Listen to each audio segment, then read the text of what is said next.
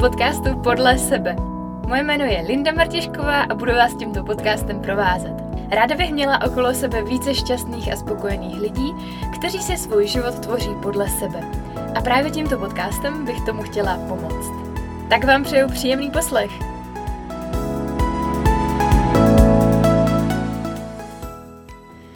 Ahoj všem posluchačům podle sebe, jsem moc ráda, že jste si opět naladili tenhle podcast.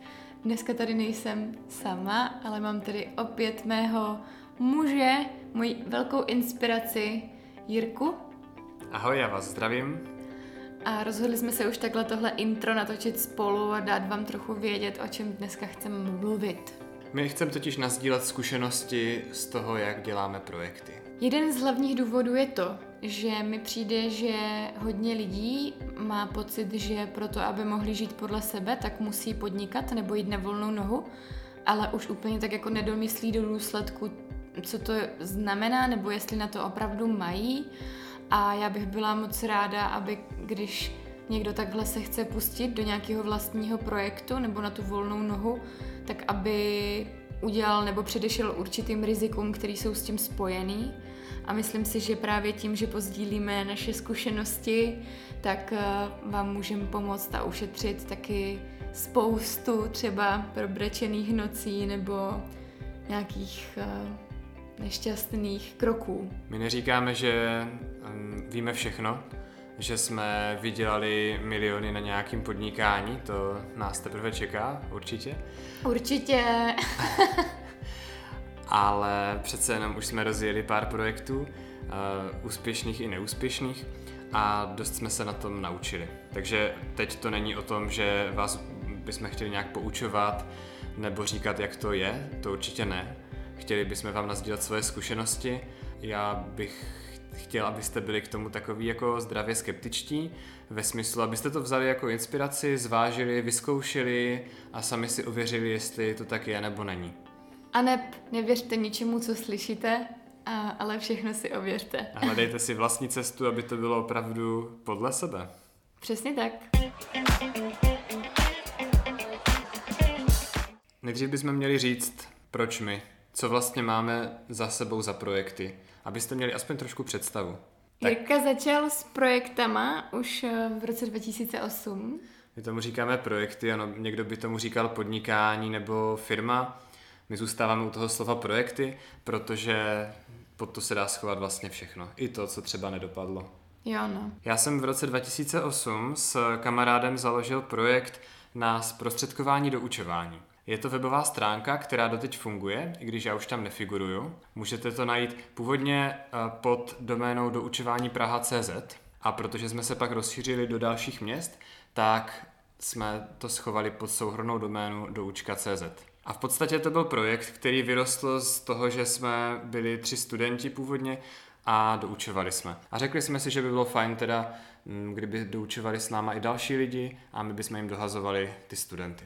A vlastně jsme nevěděli, co děláme, ale díky tomu, že jsme nepotřebovali vydělávat hned, jako třeba za tři měsíce, tak se to rozjíždělo tak jako postupně. Největší radost byla, když jsme vydělali první 100 korunu a teprve o několik let později nás to začalo živit. Říkám teprve, ale vlastně myslím, že je super, že jsme u toho vlastně vydrželi a že nás to vůbec začalo živit. Po doučkách jsme už se tak nějak dali dohromady s Jirkou. Rozjeli jsme pár projektů, které už vlastně dneska neexistují a myslím si, že taky neexistují z toho důvodu, že jsme vlastně k tomu nepřistupovali úplně šikovně. Nedělali jsme ty kroky, o kterých vám budeme dneska říkat uh, později, takže to si myslím, že je takový pro nás taky velký ponaučení, eh, který si berem, abychom vlastně na nějaké věci mysleli víc dopředu, víc analyzovali, víc dělali ty věci, o kterých budeme mluvit a třeba právě vyhli se tady tomu, že ty projekty zabalíme. No, tak uh, ty projekty, co se nevydařily, tak jmenovat nebudem, to nám nepřijde tak zajímavý, ale z těch, co neustále běží, tak chceme určitě jmenovat psaní hravě, což je srdcovka. Je to webový online kurz, kde se lidi učí psát všema deseti formou her, tak aby je to bavilo, aby u toho vydrželi a aby se to konečně naučili, protože jim to ušetří spoustu času. No a začali jsme v Česku asi čtyři roky zpátky. 2013, takže Ty ať už, tenhle, ať už tenhle podcast posloucháte letos, v roce 2019, anebo třeba za 10 let, tak start se nemění. V roce 2013 jsem přišel s tím prvotním nápadem a potom jsme to dva roky vyvíjeli a spolu s dvěma vývojáři a teprve v roce 2015, o dva, o dva a půl roku později, jsme spustili první verzi, která byla teda už placená potom. Konečně po nějakých prvotních jako pokusech a odladění jsme mm, už měli něco v ruce a pak jsme vlastně za běhu dodělávali verzi pro školy a pro firmy a pořád na tom pracujeme a pořád to vyvíjíme. Hm, teďka pracujeme i na slovenské verzi, takže kdyby to počúval nějaký Slovák, tak uh, určitě můžeme nabídnout i slovenskou verzi.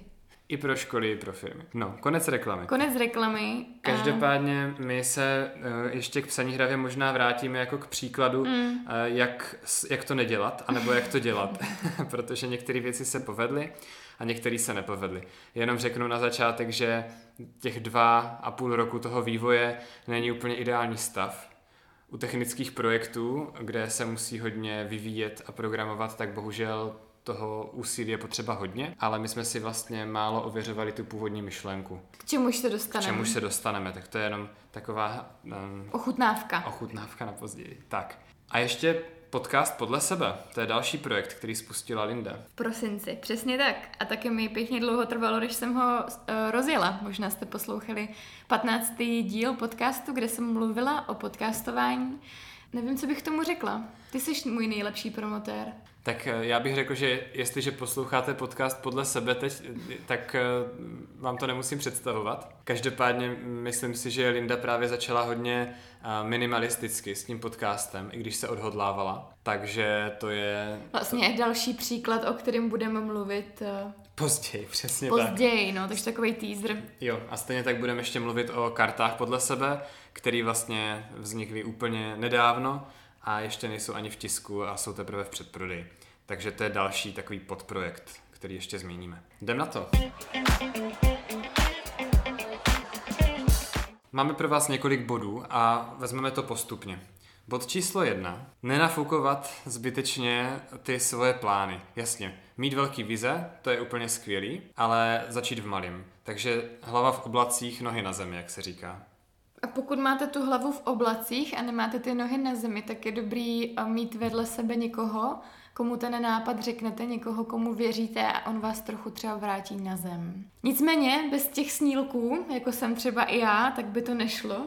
Bez těch idealistů, vizionářů. Takže rozhodně si ty plány dělejte, ale snažte se vždycky, když máte nějaký nápad, tak ho osekat na nějakou úplně nejminimálnější verzi toho projektu, abyste si mohli ověřit, jestli je o to zájem, jestli opravdu je to to pravý, co chcete dělat a tak. Existuje metodika na rozjíždění projektů a jmenuje se Lean Startup. Najdete odkaz prostě v poznámkách. Ten právě mluví o něčem, čemu se říká minimální životaschopný produkt. V angličtině Minimal Viable Product a zkrátka MVP.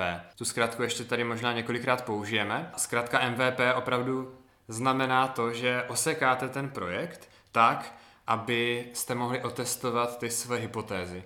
Typu, jo, tady ten nápad mm, dává smysl. Opravdu to pomáhá lidem. Lidi pochopí, o čem to je. Opravdu za to budou chtít zaplatit. Takže vy nemusíte dělat mm, skvělý web, kde bude už naprogramovaných spousta věcí třeba. To třeba, když vezmu psaní hravě. Tak Pojď dát příklad, protože my víme teďka fakt, o čem mluvíme, protože jsme to fakt podělali s prominutím, jo, u psaní hravě. Já ještě vezmu možná ty doučka, protože tam jsme to nepodělali. OK. Tam, když jsme s tím kamarádem zakládali ty doučka, tak vlastně ono mm, to bylo na základě toho, že už rok a půl jsme doučovali jako tři studenti. My jsme měli úplně jednoduchou webovou stránku, jednu, s trochou textu, který by letos už jako moc neobstál, řekl bych designově, ale fungovalo to. Matfizák, čvuďák a ještě jeden matfizák vlastně nabízeli doučování matematiky a fyziky. A hlásilo se nám čím dál víc lidí a my jsme to postupně začali předávat i kamarádům, protože jsme to sami nestíhali. Kamarádi nám za to byli vděční. No a po roce a půl přišel ten můj kamarád spoluzakladatel s tím, proč my to vlastně dáváme teďka kamarádům zadarmo, když to můžeme dávat cizím lektorům za peníze. Ty kontakty na ty studenty. Je dobrý říct, že vlastně váš minimální produkt vypadal, že jste si sdíleli jednu mailovou schránku s těma klukama, co Přesně doučovali. Tak. Ještě na centrum CZ tehdy a v podstatě všechny poptávky z toho webu chodili e-mailem tady na tu adresu. Takže když chtěl někdo doučování, tak poslal mail na, na ten e-mail a ty kluci, co doučovali, tak si ty zákazníky nebo ty studenty rozebrali. Jo, přiřadili jsme si to každý vždycky do té svojí složky a tím pádem už vlastně jsme si to potom obstarali sami. Takže vlastně kluci tehdy v roce 2008 dělali takový minimální životaschopný produkt, ale vůbec jste nevěděli, že to děláte. Přesně tak. Ale potom, když na začátku roku 2008 přišel ten kamarád s tím, že bychom to mohli dávat cizím lektorům za peníze, tak jsme vlastně už měli otestovaný to, že opravdu lidi schání doučování, že to schání online, že jsou schopni nás najít na Google, že opravdu jsou lektoři, kteří mm, jsou ochotní doučovat, to byli ti naši kamarádi tehdy. Co jsme neměli úplně otestovaný, bylo, jestli budou lektoři ochotní za to platit. Na druhou stranu, oni si potom vydělají, takže jsme předpokládali, že ano. A navíc jsme se ptali těch kamarádů, což není úplně ideální, protože kamarád vás chce potěšit, tak vám řekne, jo, jasně. Když se někoho obecně, když se někoho zeptáte, jestli by si to koupil, tu vaši věc, ten váš produkt, tak on vám dost možná řekne, že ano. Mm. A i se u toho bude tvářit, jakože to je fakt pravda. Jenomže potom, když teda mu řeknete OK, tak vytáhni peněženku a dej mi ty dvě stovky nebo dva tisíce, tak on řekne, no já si to ještě vlastně potřebuji rozmyslet a víš co, ještě zítra dej mi čas. Úplně ideální způsob, jak si otestovat projekty, jak tomu se ještě dostaneme, nebo jak si otestovat nápady, tak je opravdu si za to nechat zaplatit. To my jsme u těch douček trošku podcenili, naštěstí to nevadilo, protože jsme právě měli otestovaný i všechny ty ostatní věci, vlastně, které byly zásadní, které byly potřeba. No a já bych možná nazdílela ten uh, příklad z psaní hravě, mm-hmm. protože to, že už teda se na tom pracuje 6 let, což mě samotnou překvapilo, že už to tolik let, tak uh, je taky z toho důvodu, že se nám vlastně první verze aplikace nepodařila, protože jsme nešli vůbec cestou toho minimálního života schopného produktu, ale šli jsme do toho hrozně megalomansky a chtěli jsme tady tu grafiku a tady ty hry a hrozně jsme to nafukovali a vůbec jsme nevěděli vlastně. A až potom díky akcelerátoru v Impact Hubu, eh, čili vlastně nějaké jako externí pomoci nebo konzultaci, kterou jsme vyhledali nebo která nám byla nabídnuta, tak jsme vlastně zjistili, že něco takového existuje a v podstatě díky těm konzultacím jsme zjistili, že nejlepší a nejjednodušší bude celou tu aplikaci, myslím, ty dva roky vývoje zahodit a udělat to celý znovu od začátku, jednoduše, minimalisticky. To je vlastně ta aplikace, kterou teďka znáte, nebo pokud znáte psaní hravě. Nezahodili jsme úplně všechno naštěstí a nazbírali jsme taky během toho druhého roku vývoje dost poznatků, protože jsme měli nějakou prvotní verzi, o které jsme si mysleli, že je dobrá. A já jsem potom vzal pár kamarádů a ukázal jsem jim to a nechal jsem je, ať se zaregistrují, ať si zahrajou první hru a tak dále. No a zjistil jsem, že mnozí z nich ani nebyli schopni odstartovat tu hru, což vůbec nevypovídá nic o nich, jako o té aplikaci. Protože prostě to nebylo dostatečně srozumitelné. Takže tam jsme se hodně poučili, že opravdu dává smysl si testovat jak nápady, tak potom prototypy toho, co člověk dělá, protože to, že si eh, člověk myslí, že to bude srozumitelný a použitelný dobře, tak ještě vůbec neznamená, že někdo jiný, kdo to vidí poprvé v životě, že tomu porozumí nebo že to bude schopen používat. Hm. Já bych ještě chtěla, já nevím, jestli je to úplně srozumitelný pro naše posluchače, co to je ten minimální produkt. A vím, že už se tady o tom bavíme docela dlouho, hmm. ale já bych chtěla třeba říct příklad typu třeba, chtěli byste vybudovat nějakou platformu, eh, kde by se nějaký lidi propojovali nebo zjišťovali nějaké informace, tak vždycky se na tom začátku fakt zamyslete, jako opravdu je potřeba, abych teďka budovala jako tu finální platformu nějakou megalomanskou, nemůžu si ověřit třeba nějaký zprostředkování kontaktů nebo zprostředkování zdrojů nějakým jiným způsobem, který třeba zvládnu sám, bez programátorů, bez nějakého technického řešení. Čili jako zamyslet se opravdu nad tím, jak ten svůj produkt můžu teďka co nejrychleji spustit, ověřit, bez úplně nějakého minimálního úsilí, tak abych si ověřil tu myšlenku. U těch douček, eh, možná to nebylo úplně jasný, já jsem to taky nedořekl, ten minimální produkt byl vlastně ta jednoduchá webová stránka. A potom, když jsme se teda rozhodli, že to budeme dávat cizím lektorům za peníze, tak já tehdy jako student matfizu jsem začal programovat technické řešení, který vlastně nakonec jsem programoval postupně několik let, vyvíjel, protože to bylo mnohem, mnohem větší, než jsme čekali. A to je taky taková jako docela obecná věc, že ty věci většinou trvají mnohem díl, než si myslíte, než plánujete. U těch projektů, které jsou technické, tak určitě. A u těch netechnických ku podivu taky. Ty už si hodně i teďka tady u toho našeho prvního bodu zmínil ten druhý, co tady máme napsaný, a ten se týká testování. My jsme se kdysi testování webů s Jirkou věnovali a já vím, že vy třeba nechcete dělat zrovna web, ale chtěli byste třeba udělat nějaký kurz nebo nějaký jiný projekt, to je úplně jedno, ale vlastně úplně všechno se dá nějakým způsobem otestovat. A díky tomu, že jsou dneska různý dostupný nástroje, tak se ty uh, věci dají relativně v pohodě otestovat. Dám příklad.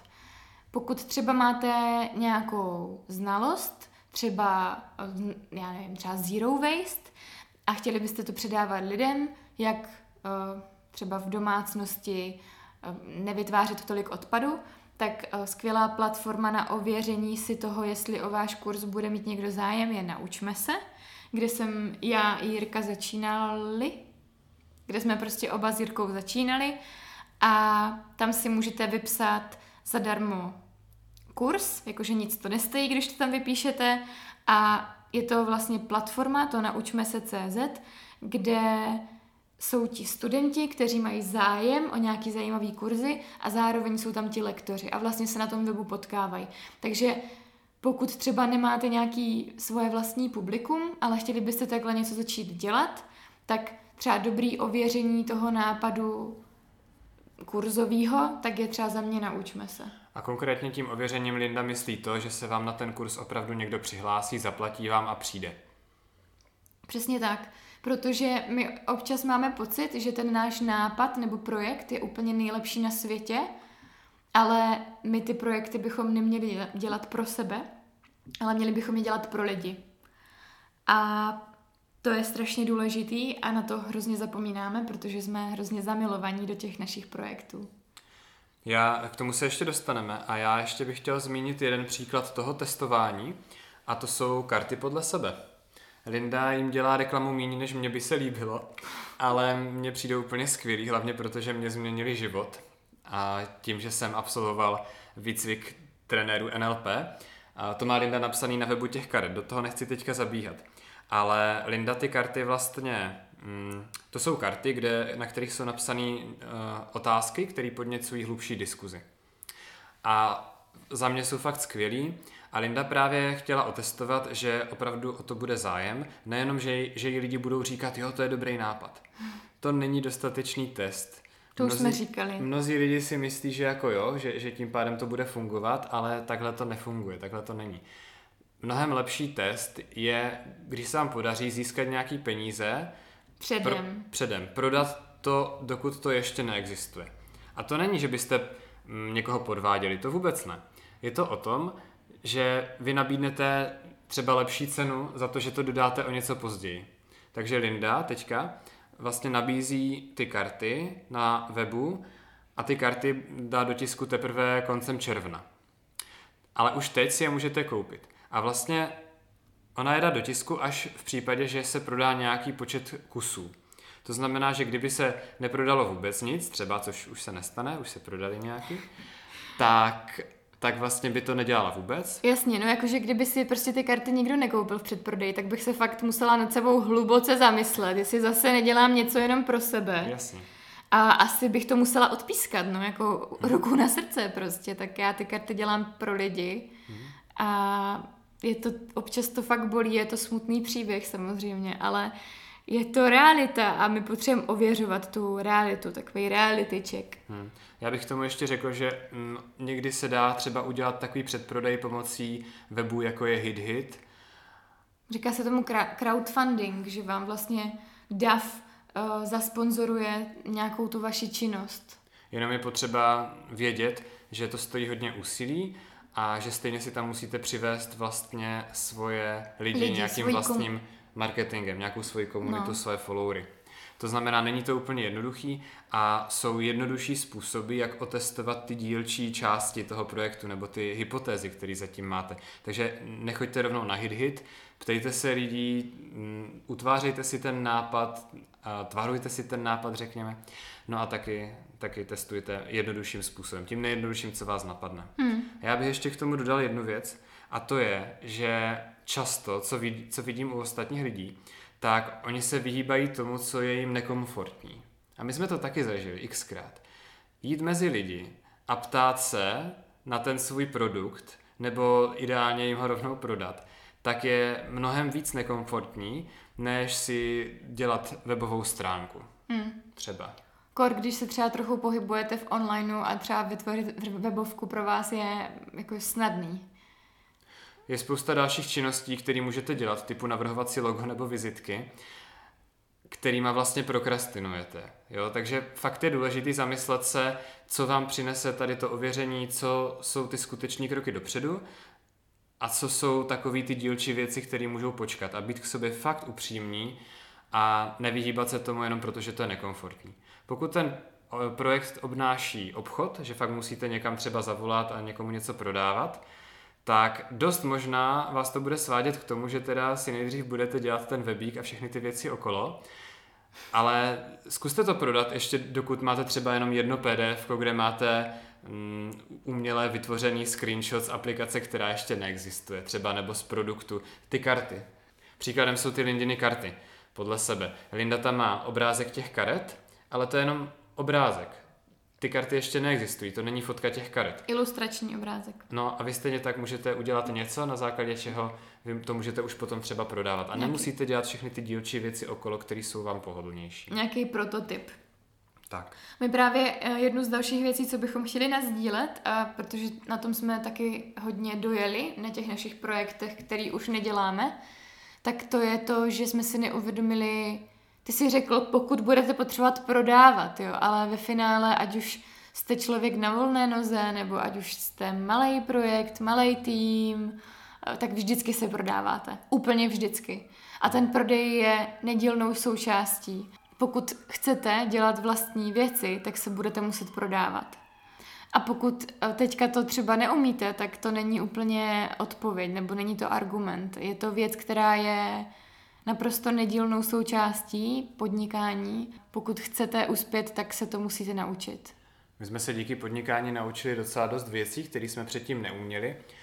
A myslím si, že to podnikání je vlastně takový způsob osobního rozvoje, když to tak řeknu. Ať už je to obchod, nebo je to dělání webu, který jsou uživatelsky přívětivý, nebo je to mm, marketing, nebo je to třeba mluvení na mikrofon v rámci podcastu. Taková velmi častá obava je, já mám ten nejlepší nápad na projekt, ale dokud to nespustím, tak o tom nesmím nikomu říct. Protože by mě to mohl někdo ukrást. Jo. To je strašná blbost. Jo. Protože stát se to samozřejmě může, teoreticky, jenomže když si dáte na jednu misku vach to, že o tom projektu teda mlčíte, abyste měli větší šanci, že vám ho nikdo jako neukrade. A na druhou misku vach si dáte, co by vám mohlo přinést, kdybyste to sdíleli s lidma kolem, sbírali zpětnou vazbu, možná taky sbírali náměty na uh, pomoc, třeba propojení s někým dalším, tak mm, myslím si, že je to docela jasný, že to za to stojí. To je jedna věc, že to za to stojí a že za druhé se nemusíte ani tak bát, že by vám to fakt někdo ukradnul protože kdyby se našel někdo takový, kdo by vám třeba, komu by se ten nápad líbil, tak zaprvé se k vám dost možná přidá. Spíš než aby to dělal sám, protože to ho stojí víc energie. No a taky za druhé, mm, on to neskopíruje stejně, jak jste to vymysleli vy. Je to váš nápad, vás to napadlo z nějakého důvodu, řešíte možná nějaký problém, nějakou potřebu, ideálně. A to, že on vás jenom skopíruje, on to nemusí zrealizovat tak dobře jako vy, nemusí do toho dát to srdce, bude to prostě jiný, bude to prostě jiný. A další věc je, že kdyby se vám podařilo někoho natolik zaujmout, že by byl dokonce ochotný vám dělat konkurenci, přestože vidí vaše nadšení, no tak to je asi hodně hustý nápad. To je docela dobrá zpětná vazba, že ten nápad fakt možná stojí za to. Většinou zaujmout někoho je s tím nápadem docela těžký samo o sobě. Na tož zaujmout ho až takhle. Takže já bych se vůbec nebál a nebojím se toho, že mi ty uh, nápady někdo ukradne. A právě naopak vždycky o tom mluvím s lidma kolem, protože ty přínosy jsou mnohem větší. Další taková věc, na kterou je potřeba si dát pozor, je to, pro koho ten projekt děláte. Linda už to tady trošku zmínila. Vy ho můžete dělat pro sebe. Jasně, že vždycky to děláte z velké části pro sebe. Kvůli penězům, kvůli pocitům, kvůli nějaké seberealizaci a tak dále. Jasně. Pro koho ten produkt nebo ta služba je? Ona je pro zákazníky. Ať už jsou to firmy nebo jsou to jednotlivci. Není to pro vás. To znamená, Jinými slovy, přemýšlejte o tom, co oni potřebují, bavte se s nima, ptejte se jich. Není to o tom, že vy si něco vysníte, to je to ono, jo, takhle to jako je a všichni to budou chtít. Bavte se s ostatníma a důležitý je předávat těm lidem, těm zákazníkům opravdovou hodnotu. Takže to, že třeba umíte vyrobit tričko nebo dřevěnou mističku, ještě není dostatečný důvod pro to udělat z toho projekt nebo podnikání. Protože zase je to o vás, vy to umíte. Ale má o to někdo zájem, má to pro někoho dostatečnou hodnotu, tak, aby vám zaplatil dostatečný peníze, který, za který by se vám to vyplatilo dělat? My jsme tady na tom právě taky docela dojeli, na tom psaní hravě v té první verzi, kdy jsme se vůbec nebavili s tou cílovkou naší, s těma zákazníkama. A až potom jsme v rámci té druhé verze se začali naší cílové skupiny zákazníků ptát a zjistili jsme fakt hrozně zajímavé věci. A doteď se ptáme, ať už škol, se kterými spolupracujeme, nebo jednotlivců a na různé věci a strašně nám to pomáhá vlastně i ten produkt rozvíjet nebo předělávat a pokud bychom se jich neptali, té naší cílové skupiny nebo tu naši cílovou skupinu neznali, tak vlastně si to pořád tak jako trochu děláme jenom pro sebe a to nikdy nebude tak dobrý, jako když budete znát ty svoje lidi. Někdy to není úplně jednoduchý vyslechnout si tu zpětnou vazbu, protože je to přece vaše milované dítě, ale na druhou stranu je to hodně potřeba a je to hodně přínosný. Takže doporučuji, když posloucháte od někoho zpětnou vazbu, když vám říká svůj názor, tak ho ideálně nepřerušujte, doptávejte se a mějte takový mindset zvědavosti buďte naladění na to zjistit, jak on to opravdu myslí a co vlastně potřebuje, co se tím vidí. Spíš než abyste mu říkali, jak jste to mysleli, abyste to vysvětlovali. Nemusíte to vysvětlovat, protože nebudete mít šanci vysvětlit to všem zákazníkům. Jakoby obhajovat, ve smyslu obhajoby. Hmm. Jo, jako psaní hravě, když by někdo nechápal, tak jasně, já mu to můžu vysvětlit, jako tu originální myšlenku, dejme tomu. Potom stejně to lidi uvidí na webu a těm to nebudu moct vysvětlit. A ti odejdou, bez toho, aby se zaregistrovali nebo si to koupili. Takže důležitý je fakt poslouchat, jak to na ty lidi působí, vzít to jako zpětnou vazbu, doptat se a na základě toho potom třeba něco změnit. A vlastně to trošku souvisí i s nějakým sbíráním toho feedbacku pravidelně, té zpětné vazby, že třeba kdybyste měli nějaký fyzický produkt, který prodáváte, tak můžete po těch zákaznicích třeba za 14 dní nebo za měsíc jim napsat, jak se jim ten produkt používá, nebo jestli by měli nějaký námět k vylepšení. Můžete vlastně ty své zákazníky ať už ještě předtím, než ten produkt máte, nebo už ho, pokud ho už máte, tak se jich můžete takhle doptávat. A vlastně to jde podle mě aplikovat úplně na všechno, ať už pořádáte akce, máte nějaký produkt nebo nějakou webovou platformu, cokoliv. Důležitý je ještě říct, abyste se neřídili názorem jednoho člověka, jednoho zákazníka, ale vždycky se ptali víc lidí a teprve, když se to začne opakovat, když jedna věc vadí více lidem třeba, nebo se jedna věc používá více lidem špatně, tak teprve v tu chvíli to brát vážně a začít s tím něco dělat. Protože jinak byste skončili, jako nezavděčíte se nikdy všem, skončili byste u toho, že se snažíte zavděčit se všem, ale to je prohraný boj. To se nikdy nestane, nikdy se nezavděčíte všem. S tím souvisí taky to, řídit to podle sebe, ten projekt. To, že vám lidi říkají, že by chtěli třeba, dejme tomu napsaní hravě, nějakou funkci, nebo že by chtěli váš produkt v růžové barvě, tak to ještě neznamená, že to musíte udělat. Vůbec ne. Vy potřebujete mít stejně nějakou svoji vizi, za kterou jdete, nějakou strategii, musíte to mít spočítaný. A ti lidi, kteří něco chtějí, tak oni vyjadřují svoji potřebu a vy to můžete vzít v potaz, ale možná to nedává smysl z hlediska biznisu. Vy jste vždycky ti, kteří rozhodují. Tak na to ještě nezapomenu.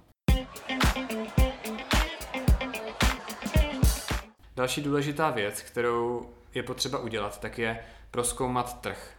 Proskoumat, co už existuje, co řeší stejné potřeby nebo přání těch vašich zákazníků. Já, když jsem vymyslel teda psaní hravě, tak jsem se díval, jaký další aplikace na psaní všemi deseti existují.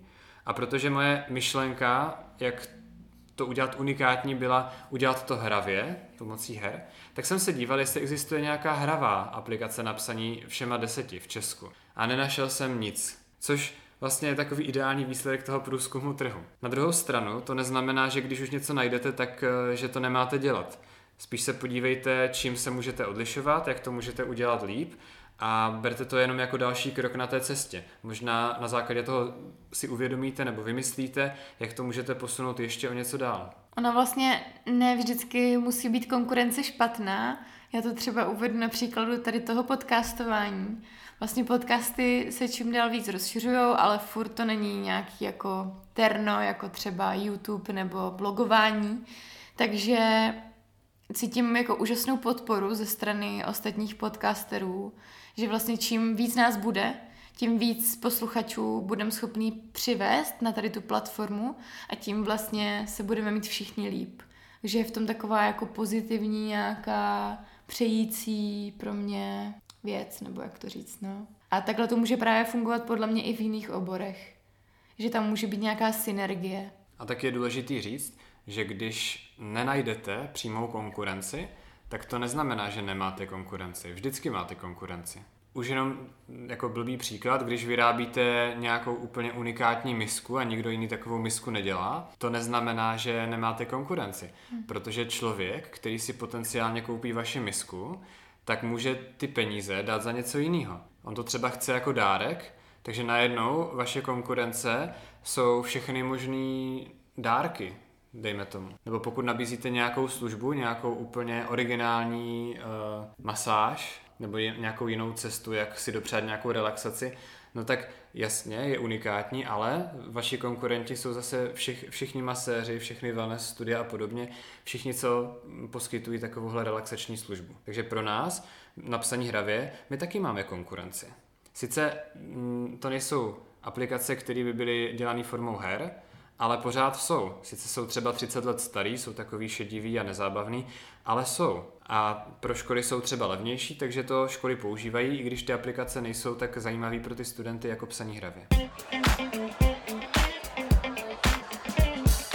Unique uh, value proposition. Česky by se řeklo nějaká unikátní výhoda, kterou máte oproti ostatním. Něco, co vás odlišuje. Je potřeba tohleto mít. To psaní hravě to má právě v té hravosti. A žádný jiný projekt napsaný všema deseti, co působí na českém trhu, tak tohle to nemá. Takže vždycky, když něco takhle vymyslíte, tak nebuďte jenom další. Nebuďte jenom další kavárna. Mějte unikátní koncept. U kavárny zrovna unikátní může být ta poloha. V okolí žádná jiná kavárna není, tak jasně, boží. Ale když tam jsou další kavárny, tak proč byste měli být jenom jedna z dalších? Jako vždycky mi přijde, že vlastně ta unikátnost je částečně tvořená tou osobou, která ten projekt dělá. Hmm. A občas to může stačit, jo? když je ta osoba třeba tolik výrazná nebo takovej tahoun toho projektu, ale není to, není to možná někdy málo, možná jo, jakože určitě je lepší, když ten projekt uh, má víc možná těch unikátností. To se vracíme k tomu, že to musí mít tu hodnotu pro ty zákazníky. To znamená zase, i ten, ten zákazník právě je ten, kdo musí vidět, v čem to je unikátní. Někdy se stane, že to ani ten majitel nebo zakladatel toho projektu vlastně takhle neplánoval, ale lidi chodí třeba do té kavárny z nějakého důvodu. Je jim tam příjemně, jsou tam polštáře, jsou tam nějaký unikátní dortíky, něco. A on to třeba tak ani nezamýšlel. Ale prostě má to tu unikátnost a má to ten důvod pro ty zákazníky, aby se vraceli.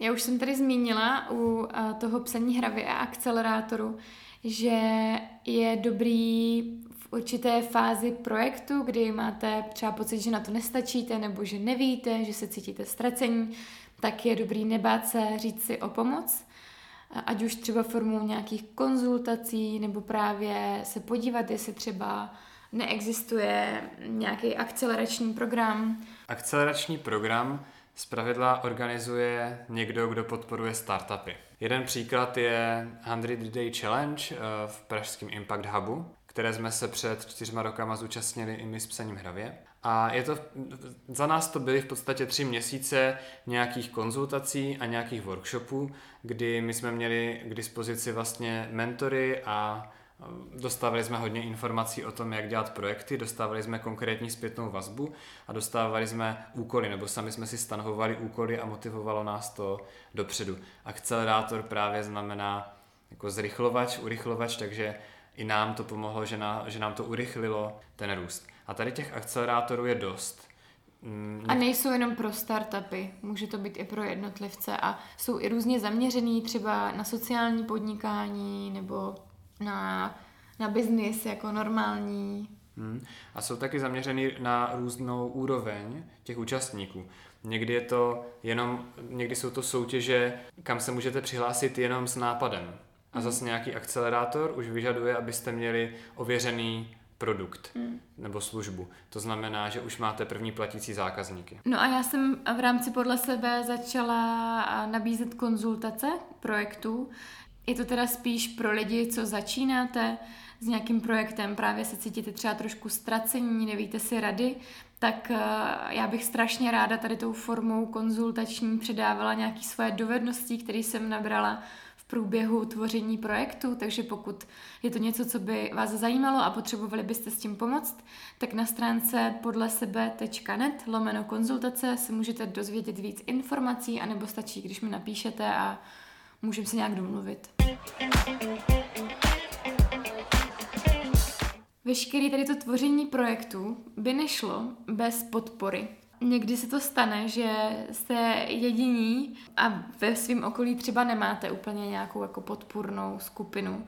A to je velmi silná věc, kterou velmi doporučujem, abyste si našli, abyste našli lidi, co vás budou podporovat v tom nápadu, a nebudu vás zhazovat a pokud vám budu dávat zpětnou vazbu, tak ale s tím záměrem, že vás chtějí podpořit, abyste ty věci dělali líp a musíte z toho být cítit.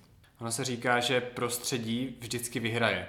A tím prostředím um, myslím třeba to právě mezi jakýma lidma se pohybujete, nebo to, jaký informace přijímáte. Když se díváte na zprávy, tak dost možná vás to bude negativně ovlivňovat, co se týče uh, myšlení. Budete spíš myslet možná negativně, protože tam uvidíte ty negativní věci. A stejně tak naopak, pokud máte vedle sebe inspirativní lidi, lidi, kteří vás podpoří, čtete inspirativní knížky nebo, nebo startupové knížky, a nebo právě mm, si v pokoji dáte nějaký, já nevím, motivační citát na stůl, tak to všechno vám může naopak pomoct. Takže je to o tom vytvořit si to prostředí, tak, aby vás podporovalo. A ti lidi jsou na tom asi to nejdůležitější. Hmm. Dnešní doba je opravdu skvělá. Bavili jsme se o tom uh, v díle s Ludskou Václavkovou, s kariérní poradkyní.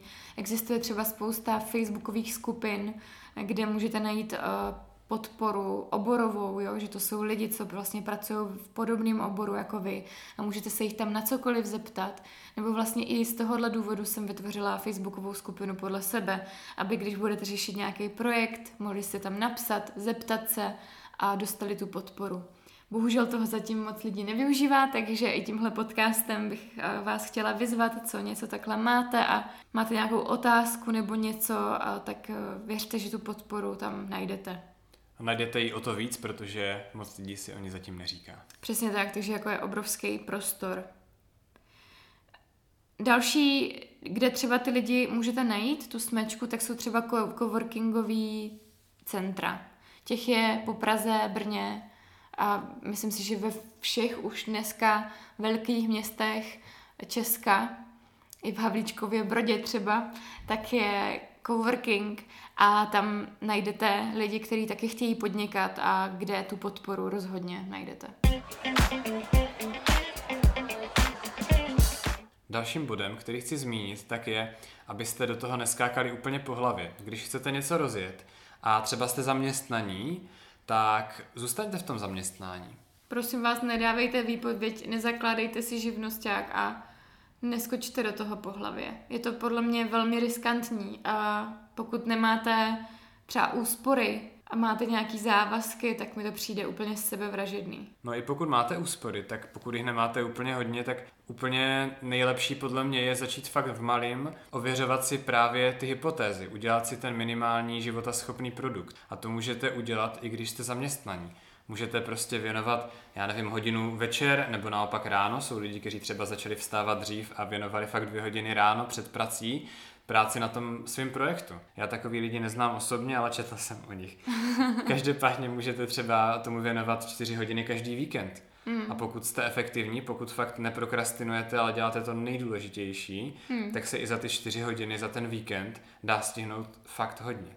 A najednou už třeba za dva, tři měsíce uvidíte, jestli to má smysl, už si to třeba někdo koupí, přestože to ještě neexistuje a už se zase tomu můžete věnovat víc, protože vám to bude dávat větší smysl. Takže nedávejte výpověď, neskákejte do toho úplně po hlavě a nestyďte se začít v malém. Ono to vypadá, že ty projekty nebo ty firmy, které existují, takže měli hladkou cestu velice často. Jo, že to někdo založil a teďka byl hrozně odvážný a teďka do toho skočil a všechno zařídil a ono to hrozně rostlo a tak. Už se nemluví o tom, že ten člověk fakt strávil třeba 16 hodin denně v té práci, byl hrozně ve stresu, protože nevěděl, jestli příští měsíc zaplatí nájem, mlátil se hlavou o zeď třikrát denně, že nezůstal v té původní práci a nevěnoval se tomu jenom po víkendech zatím. Třeba. Jo, na psaní hravě málo kdo ví, že jsme první dva roky strávili velice neefektivním vývojem a teprve potom jsme to vzali za správný konec. A hlavně se to neměli peníze, takže jsme vlastně u toho dělali pořád další projekty a ty peníze přišly až o dost později. A teď někdo přijde a podívá se na psaní hravě a řekne, jo, to, jo, to, je, to je hustý, to vypadá fakt dobře a to vás to živí, Maria, to je skvělý.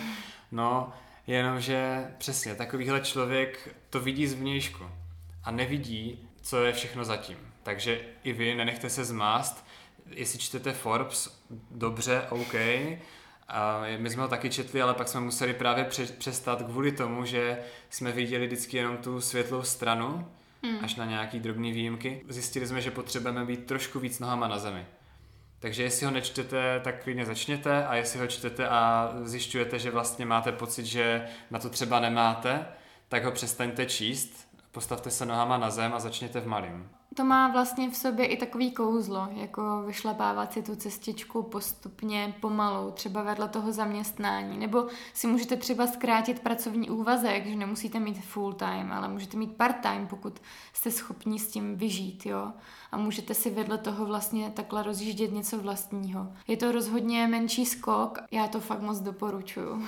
Ono trošku i s tím souvisí že ty projekty často jako čekáme úspěch přes noc, ale ta moc nechodí, nebo aspoň to je taková naše zkušenost. Možná někdo má jinou zkušenost, samozřejmě. Moje zkušenost je taková, že ty projekty mají nějaký zlomový bod, to znamená zlomový bod, kdy začnou nějak jako vydělávat, nebo se o ně začne zajímat nějaký větší množství lidí tak je to třeba až jako po mnoha měsících, ne letech.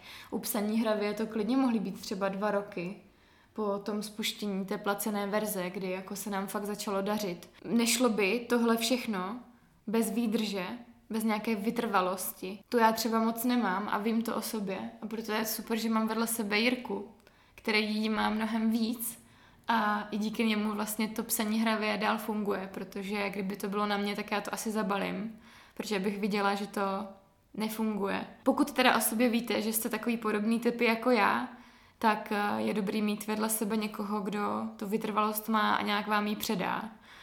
Na druhou stranu je podle mě těžký a je důležitý si umět říct, tyjo, tak uh, asi jsem se s tímhle nápadem sekl, opravdu vidím, že o to zájem není a je možná jako dobrý taky říct s Bohem nějakým věcem.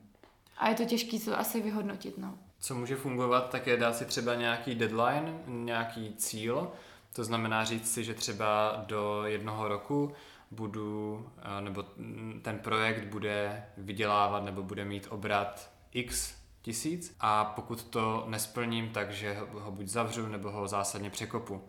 My teda s těma termínama úplně nepracujeme, upřímně řečeno. Mohli bychom v tom být lepší, ale na psaní hravě se nám to vlastně naštěstí vyplatilo, právě tady ta výdrž.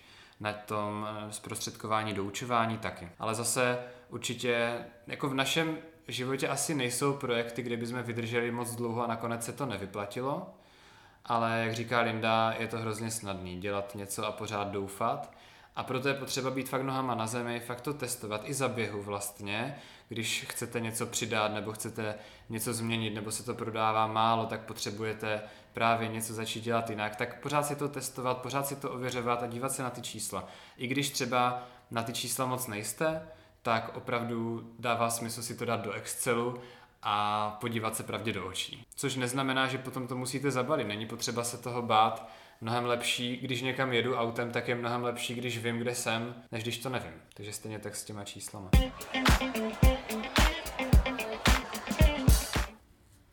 Poslední bod, co jsme si tady napsali, tak je kopírování nápadů odinut. Třeba ze zahraničí. My jsme měli takovou inspiraci v projektu, který v Americe funguje na testování webů.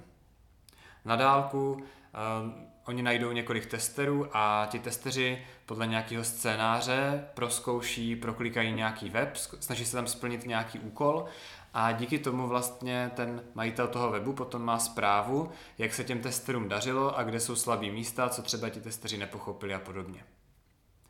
My jsme takový projekt eh, chtěli dělat taky. Nejdřív jsme eh, se teda podívali, jestli něco takového neexistuje.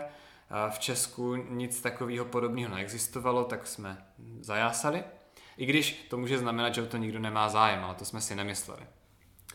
Linda jim potom psala, jestli teda by nechtěli mm, udělat českou jako verzi, že bychom si vzali jejich web, jejich software a prostě jenom to překlopili do češtiny, ale oni řekli, že, že ne.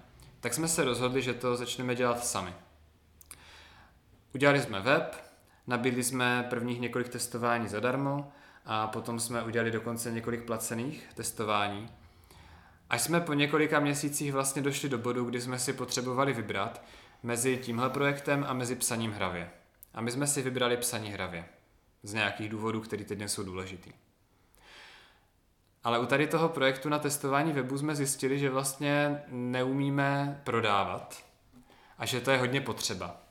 A že se nám do, do toho vlastně hrozně nechce a najít nějakého obchodníka bylo pro nás tehdy těžký. A ještě ho zaplatit, to jako vůbec.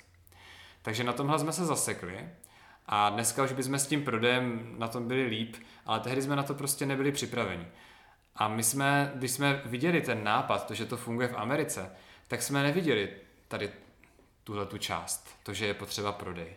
My jsme vlastně neviděli do toho, jak oni dělají marketing, jak nabírají testery. My jsme viděli jenom zvenku tu skořápku, ale to, co je uvnitř, tak to jsme si museli vlastně sami osahat a sami vytvořit. Takže vy pokud uvidíte, že někomu něco někde funguje a chtěli byste dělat to stejný nebo něco podobného, tak opatrně, protože nevidíte zdaleka všechno nevidíte tu spoustu práce, která zatím je. Jak, jak říkala Linda, tak každý projekt zabere mnohem víc času, než se zdá. Takže i když se vám líbí nějaký jiný projekt, tak skopírovat ho by zabralo mnohem víc času, než se zdá zase. A vůbec to, že to funguje někomu jinému, ještě neznamená, že to bude fungovat vám, i když si myslíte, že víte, jak to udělat líp. Prostě tohle je málo. Stejně potřebujete testovat a stejně to může dopadnout jinak, než si představujete. Takže na to kopírování pozor. Na úplně poslední bonusový bod jsem tady zapsala Mastermind. Já už jsem o tom mluvila v díle s Pavlem Ovesným a kdo jste členem skupiny Facebookové podle sebe, tak víte, že občas pořádám nějaký online setkání.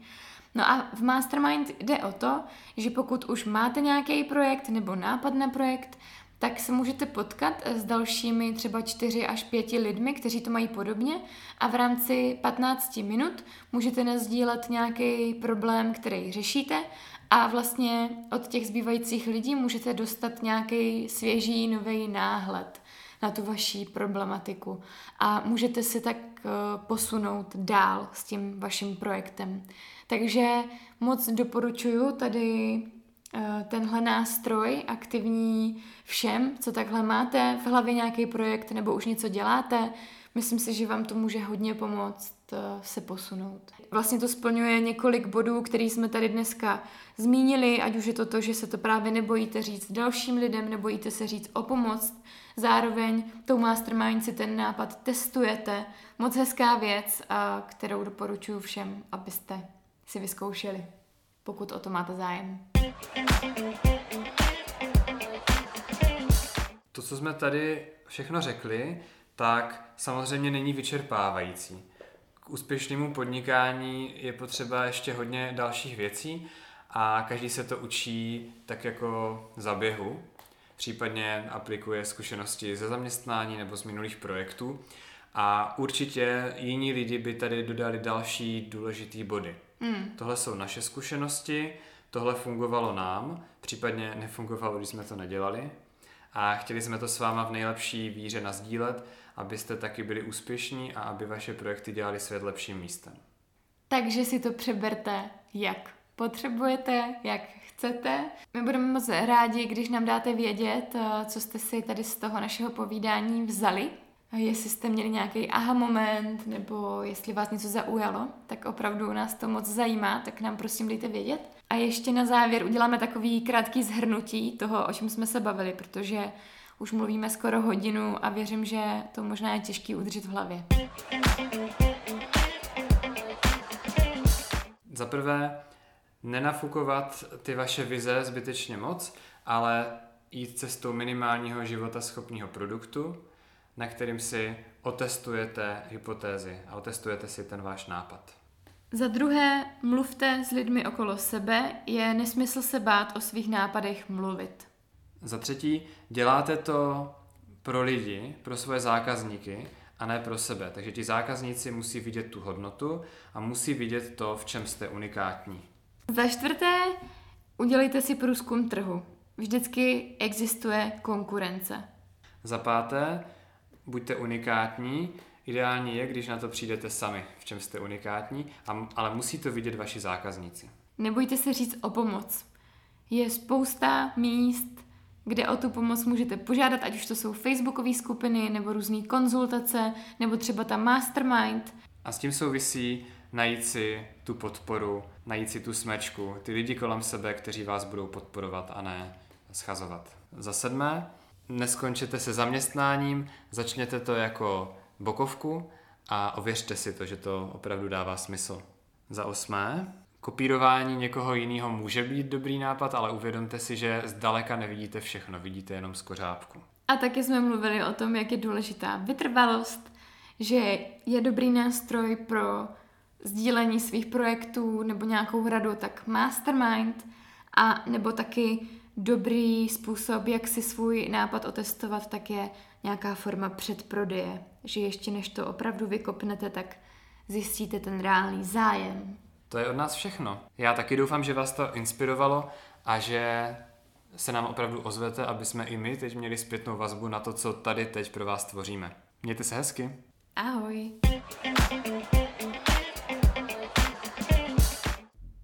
A teď už závěr podcastu. Srdečně vás všechny zvu facebookové skupiny podle sebe, kterou jsem zmiňovala i v tomhle díle podcastu a založila jsem ji proto, aby se vám dostalo potřebné podpory k vašim případným projektům. Skupinu najdete, když naďukáte do vyhledávání na Facebooku podle sebe. Byla bych totiž fakt ráda, kdyby vaše nápady a případné akční kroky nezůstaly jen u snu, ale abyste se je opravdu vydali realizovat. A na Facebooku spolu můžeme komunikovat a podpořit se v tom, v čem potřebujeme. Ve skupině je už přes 200 240 členů a to už je pořádná skupina na to, abychom se podpořili. Podcast podle sebe dělám hlavně proto, abych vám přinášela zajímavá témata, díky kterým ve vás můžu zasít nějaká semínka, která třeba ve vás časem vyklíčí. Mým snem je, že budete dlouhodobě žít spokojenější a šťastnější životy. Ráda bych vás propojovala a vyzvala k vzájemné podpoře. Momentální podporu a pomoc můžete získat svou aktivní účastí ve facebookové skupině podle sebe, anebo třeba na víkendovce podle sebe, která se bude konat v říjnu a veškeré info najdete na webu podle sebe.net lomeno víkend. Budu taky ráda, pokud podcast začnete odebírat, díky tomu se podle sebe může dostat k dalším lidem a myšlenky k těm, co to potřebují. Velký dík za to. Přemýšlela jsem, jak tenhle podcast a tuhle formu obsahu moc dál a dál dělat udržitelně, až jsem vymyslela, že mou činnost můžete podpořit pár dolary přes platformu Patreon. Patreon je platforma, která ještě v Česku není tolik rozšířená, nicméně je to právě přesně vymyšlené pro tvůrce to, co tvoří obsah. Nejlepší na tom je, že mě můžete podporovat pravidelně každý měsíc a tím je to celé pro mě udržitelnější. A já už teď děkuji moc čtyřem patronům, které tam mám a moc moc si jich vážím. Díky moc. Link na Patreon najdete pod tímto dílem ve vaší podcastové aplikaci, anebo také jako formu odkazu ve článku k tomuto dílu podcastu. Ráda bych vám taky připomněla předprodej karet podle sebe, které jsou tu od toho, aby vám změnili život. Je to sada 50 otázek, které jsem pro vás nadizajnovala jako takový doplněk k podcastu. Ještě teďka běží stále předprodej, takže ty karty si můžete předobjednat za zvýhodněnou cenu. Veškeré info naleznete na webu podle sebe.net lomeno karty. Díky, že jste tuhle epizodu doposlouchali až sem, mějte se co nejkrásněji a hlavně co nejvíc podle sebe.